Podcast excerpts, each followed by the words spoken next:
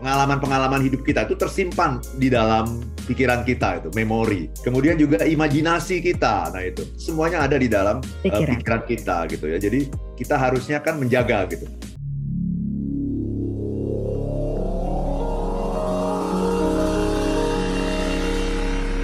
If you want to be happy, be happy now. Be happy now. Be happy. Smart happiness.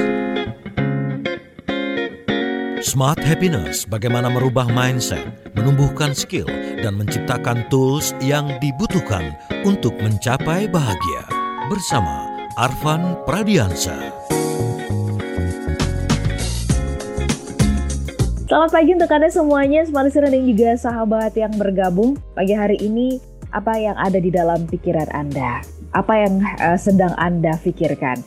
Kalau dalam seminggu ini apa yang paling mengganggu pikiran Anda? Wah, kalau bicara tentang pikiran banyak banget gitu ya. Nah, itulah yang akan kita bahas di kesempatan pagi hari ini. What is inside the mind ya? Apa sebenarnya yang ada di dalam itu gitu? Dan kemudian tempatnya ada di mana sih sebenarnya gitu ya? Kita sudah bersama-sama dengan motivator nasional di bidang leadership and happiness. Selamat pagi Pak Arfan. Selamat pagi Mbak Ola, apa kabar hari ini? Alhamdulillah. Ini tampaknya sehat selalu ya. Ya, sehat selalu. Sudah bersiap-siap memberikan training kira-kira kayaknya ya. Oke, baik. Cara tentang pikiran, ini kan kalau kita bicara dan kalau kita bahas gitu ya, eh, perubahan harus dimulai dari mindset, ya kan? Eh, kalau mau sukses kita harus mulai dari mindset yang benar dan sebagainya. Nah, bicara tentang mind gitu, ini sebenarnya mind itu ada di mana sih? Bener nggak bahwa mind itu tuh kalau kita tunjukkan selalu di sini ya? Dan kadang-kadang ada kaitannya dengan dengan hati gitu. Kalau begitu, kalau kita bicara tentang pikiran, siapa yang menggerakkan? Pikiran menggerakkan hati atau hati menggerakkan pikiran ini sebenarnya? Ya Pak Arfan. Ya, terima kasih banyak Mbak Ola ya. Jadi mind ini adalah uh, sebuah konsep yang bagi banyak orang tuh kelihatannya abstrak gitu Mbak Ola ya. Bagi orang-orang yang tidak belajar itu mind itu hanya seperti sebuah kata benda saja gitu. Tapi bagi orang-orang yang belajar, mind itu sesungguhnya sesuatu yang sangat luas gitu, bahkan seluas samudra Mbak Ola. Mm -hmm. Ya, Main itu seluas samudra. Jadi Mbak Ola bayangkan sekarang uh, samudra gitu ya, bayangkan ya. Kita biasanya cuma lihat permukaannya saja kan ya. Nah, padahal sebetulnya kalau kita menyelami samudra itu, di bawahnya itu ada gunung-gunung yang tinggi itu Mbak Ola. Ada puncak gunung yang setinggi Himalaya itu di bawah laut. Ya. Kemudian juga ada lembah-lembah yang sangat dalam gitu. Yang namanya pikiran itu yang kita ketahui itu sesungguhnya hanya sedikit sekali. Ya sering kali kita hmm. katakan itu sebagai pikiran sadar atau conscious mind gitu. Padahal di dalamnya itu bayangkan analogi yang paling bagus menggambarkan itu adalah samudra itu. Hmm. Di dalam samudra itu kita cuma lihat yang yang atasnya saja, yang kena cahaya matahari gitu ya. Hmm. Padahal sesungguhnya yang di bawahnya itu masih jauh lebih dalam, jauh seperti kedalaman laut lah gitu. Kurang lebih seperti itu. Kalau kita belajar, kita akan tahu bahwa ada banyak sekali yang sangat penting dalam hidup kita tuh adanya di dalam mind kedalaman itu, itu ya. Dalam kedalaman hmm. itu. Gitu. Tapi kadang-kadang hmm. karena kita tidak mau masuk ke dalam ruang dalam kita, maka kita menyangka tubuh kita ini hanya tubuh yang kasar gitu. Hmm. Padahal sebetulnya tubuh yang kasar ini hanya bagian kecil dari diri kita. Hmm. Itu Mbak. Nah, Pak Arfan kita sambung. Kalau kedalaman laut ya sampai kemudian kita bisa menyaksikan di dalamnya itu apa saja begitu ya. Ada kamera yang bisa dibawa sampai ke sana, ada teknologi, ada orang yang mampu menyelam ya. Uh, tetapi dibutuhkan skill memang untuk menyelam sampai kedalaman ribu ribuan ribuan kilometer ke dalam itu gitu ya, ribuan meter gitu ke dalamnya. Tapi bagaimana dengan pikiran kita untuk bisa menyelaminya? Apa yang harus kita lakukan? Silakan Pak Arfan. Ya, uh, very good question. Ini pertanyaan bagus sekali ya, Mbak Ola ya. Jadi kita harus melambatkan pikiran. Itu hmm. jawaban. Oke. Okay. Kita harus memperlambat hidup kita gitu ya. Dan cara memperlambat hidup kita adalah melambatkan pikiran gitu. Karena pikiran yang terlalu cepat itu pikiran yang tidak sehat gitu bahwa jadi pikiran itu ada dua ya. E, istilahnya kalau dalam bahasa Inggris itu yang pertama itu adalah mm-hmm. thought gitu ya. Thought itu adalah pikiran yang masuk ke dalam kepala kita. Itu mm-hmm. namanya thought. Satu lagi adalah yang namanya mind. Jadi mind itu ibaratnya mind itu adalah kebunnya gitu. Mind itu adalah kebunnya. Thought itu adalah tanaman-tanaman yang ada di sana gitu. Yang ditanam di dalam mind gitu. Nah kalau dalam bahasa Indonesia itu baik thought maupun mind itu disebut sebagai pikiran gitu. Padahal itu dua hal yang berbeda gitu. Yang satu adalah tanamannya itu namanya thought yang masuk ke dalam kepala kita. Nah, kemudian ekosistemnya itu itu namanya kebunnya itu itulah yang namanya mind. Itu Mbak Ola. Nah, Oke. Okay. ini kan sesuatu yang abstrak ya. Jadi banyak orang yang kemudian menganggap ah ini sih sesuatu hanya sebuah kata benda saja gitu. Ya padahal sebetulnya kita harus mendalami itu. Nah, cara mendalaminya gimana? Teknologinya apa? Teknologinya adalah yang namanya meditasi gitu. Hmm. Jadi ketika kita melakukan meditasi, sesungguhnya kita sedang melambatkan pikiran kita gitu. Hmm. Hmm. Hmm. Kita sedang fokus kan yang namanya meditasi kan yang secara sederhana saja ya. Meditasi itu kan fokus kepada nafas kita, memberikan perhatian kepada nafas kita gitu ya. Dan ketika itu maka pikiran kita itu aliran pikiran atau aliran thought itu akan berjalan secara lambat gitu. Pelan, pelan, pelan dan di situlah hidup kita sesungguhnya. Di situlah kita bisa menguasai hidup kita, mengontrol hidup kita. Karena hidup itu kan sesungguhnya kuncinya adalah di pikiran gitu. Segala sesuatu yang terjadi dalam hidup kita itu sesungguhnya sudah ada dalam pikiran kita gitu. Keputusan-keputusan penting yang akan kita ambil dalam hidup kita itu sebetulnya sudah ada dalam pikiran kita gitu. Bahkan peperangan yang terbesar dalam hidup ini nah, sebetulnya adalah peperangan di dalam pikiran gitu. Betul, betul. Jadi yang namanya perang dunia itu sesungguhnya itu sudah terjadi dalam pikiran orang-orang yang mencetuskan perang itu.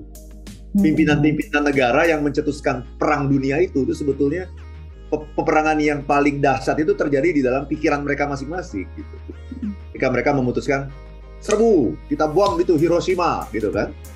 Itu sudah terjadi sesungguhnya pemboman Hiroshima itu sebelum bom itu dijatuhkan di Hiroshima. Tapi ketika para pengambil keputusan itu sekutu sudah memutuskan bahwa ini Jepang harus kita bom, nah gitu ya. Jadi hmm. perang dunia itu sesungguhnya kecil dibandingkan peperangan yang ada dalam pikiran kita. Hmm. Itulah yang membuat kekacauan di dunia ini itu adalah kekacauan di dalam pikiran gitu. Karena kita hmm. tidak mampu memperlambat pikiran kita, tapi kita ya. mempercepat pikiran kita gitu. Hmm.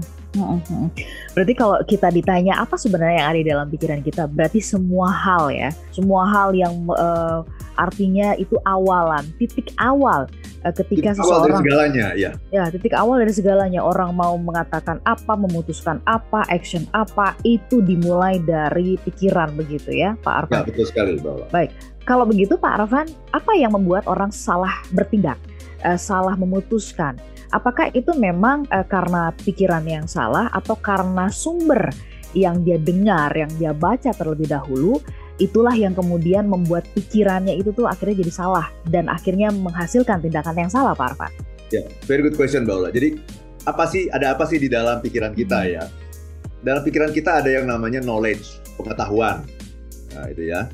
Kemudian ada yang namanya belief, hmm. keyakinan kita gitu ya keyakinan ini juga boleh terkait dengan keyakinan agama, keyakinan terhadap prinsip-prinsip dalam kehidupan gitu. Itu belief namanya.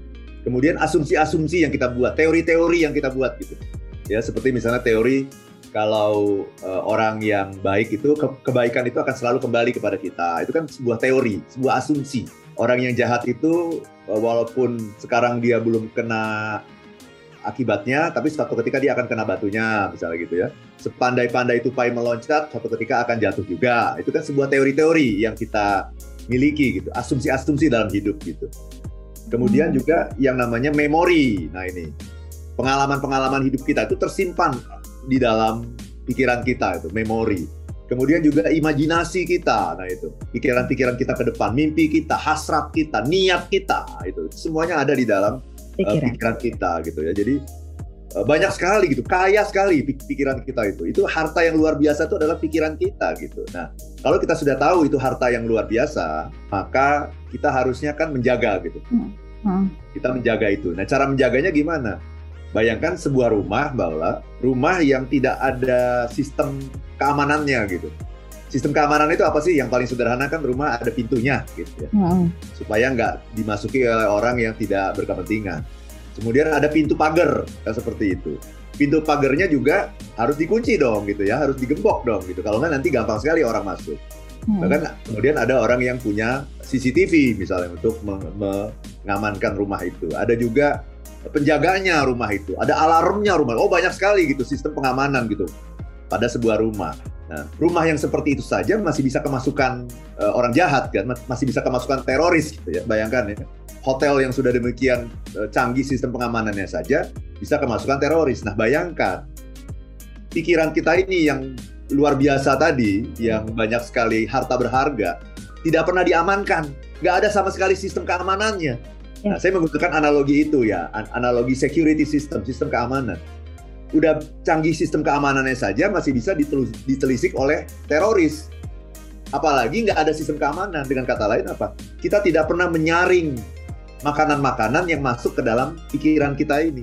Masuklah makanan-makanan sampah semuanya.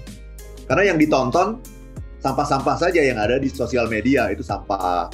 Orang yang mengeluh, orang yang menghujat orang lain, orang yang membenci orang lain, membuat berita hoax, itu kita tonton gitu. Kemudian kita bahas gitu. Itu sebuah analogi yang menunjukkan bahwa kita tuh tidak punya security system. Mhm. Jadi masuk sampah-sampah masuk semua. Nah, sampah-sampah itu walaupun awalnya kecil tapi dia akhirnya menumpuk ya menjadi pohon-pohon kebencian. Pohon-pohon kemarahan dalam kebun kita, dalam mind kita. Muncullah pohon-pohon kepalsuan, pohon-pohon iri hati. Padahal yang harusnya kita tumbuhkan adalah pohon-pohon kasih sayang, pohon-pohon cinta, pohon-pohon kebersamaan, pohon-pohon kebaikan. Itu tidak tumbuh. Kenapa? Yang nggak pernah dijaga sih, apa pun masuk gitu. Mhm. Oke. Gitu. Baik, Pak Arfan, kalau tadi Pak Arfan menjelaskan soal jaga penjaga, kalau begitu apa yang bisa kita lakukan untuk menjaga atau membuat benteng pertahanan itu eh, supaya pikiran kita tidak mudah dirasuki ya, tidak mudah dicuci otaknya kan ada ada kondisi seperti itu ya. Apa yang harus kita lakukan ya Pak Arfan? Nomor satu adalah kesadaran, Mbak Ola. Kalau misalnya ya teman kita sering makan di sebuah warung lah atau rumah makan gitu. Suatu ketika dia makan di rumah makan itu dan kemudian dia sakit dan harus dirawat di rumah sakit. Pertanyaannya, apakah kita mau besoknya makan di restoran itu? Pasti nggak mau kan? Ya. Teman kita baru makan di situ dan kemudian eh, masuk rumah sakit. Besoknya kita nggak akan mau makan di situ. Gitu. Jadi kita sangat hati-hati kan menjaga makanan-makanan yang masuk ke dalam mulut kita. Benar nggak, Mbak Ola? Betul. Itu. Jadi Ya. kita sangat hati-hati menjaga makanan-makanan yang masuk ke dalam mulut kita. Tetapi kita tidak hati-hati menjaga makanan yang masuk ke dalam kepala kita. Dan masuklah makanan-makanan yang eh, junk food, makanan-makanan sampah, makanan-makanan tidak sehat. Kenapa? Karena kita tidak pernah nggak hati-hati sih. Makanan ke dalam mulut saja kita hati-hati kan. Oh ini makanan ini kurang ber- bergizi. Oh ini terlalu banyak vetsinnya. Oh makanan ini bisa meningkatkan kolesterol. Oh makanan ini tidak higienis. Kita kan sadar itu.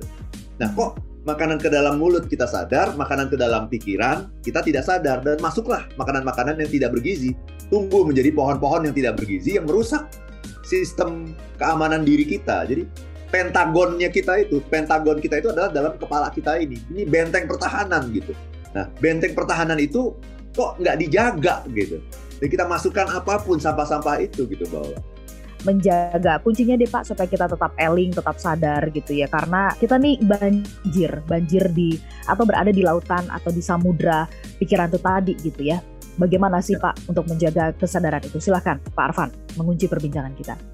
Ya, salah satunya selain meditasi juga adalah Anda harus punya mantra. Anda Hmm. harus punya mantra. Temukan mantra, ciptakan mantra Anda sendiri gitu, Hmm. ya. Salah satu mantra itu juga bisa diambil dari ajaran agama kita masing-masing gitu. Sebuah mantra yang bisa membuat pikiran itu stay. Jadi pikiran itu jalan terus bawa. Ini yang sangat tidak sehat. Pikiran itu harus stay. Ya, kalau orang Islam misalnya ambillah misalnya apa? Allahu Akbar, Allahu Akbar, Allahu Akbar, misal begitu. Atau apa pun. Allah, Allah, Allah, Ap- apa apa pun. Orang Kristen mungkin misalnya Yesus, Yesus, Yesus, apa pun. Sebuah nama yang indah, sesuatu yang sangat meaningful bagi Anda, itu dijadikan mantra gitu. Dan ketika kita punya mantra itu, maka kita akan hidup dalam ketenangan. Pikiran kita itu akan stay gitu. Tidak akan melompat-lompat, tidak akan apa mengikuti arus yang sangat liar itu tidak, tapi dia akan tertata satu-satu. Kita tahu oh ini pikiran, pikiran, pikiran. Kita bisa hidup dengan tenang gitu. Katakan Ya. saja kalau sebutlah nama Tuhan Anda gitu. Itu kan Ya. namanya zikir kalau orang kalau Betul zikir. saya bilang zikir, tapi secara umum Ya. itu disebut mantra gitu. Temukan mantra Anda. Ya, kalau bukan dari ajaran agama, bikin mantra Anda sendiri. Apa yang membuat Anda tenang gitu. Satu kata saja yang membuat Anda tenang. Itu Mbak Ola. Oke. Pak Arfan, kita kunci perbincangannya. Eh, Sehat-sehat untuk Anda semuanya. Mudah-mudahan ini bisa memberikan insight ya. Insight cara kita untuk mengenali apa yang ada di dalam pikiran kita. Saya Ola Nurlija. Dan saya Arfan Pradiansyah. If you wanna be happy, If you wanna be happy, be happy. be happy now. Demikian Smart Happiness bersama Arfan Pradiansa, penulis buku bestseller Life is Beautiful dan The Seven Laws of Happiness.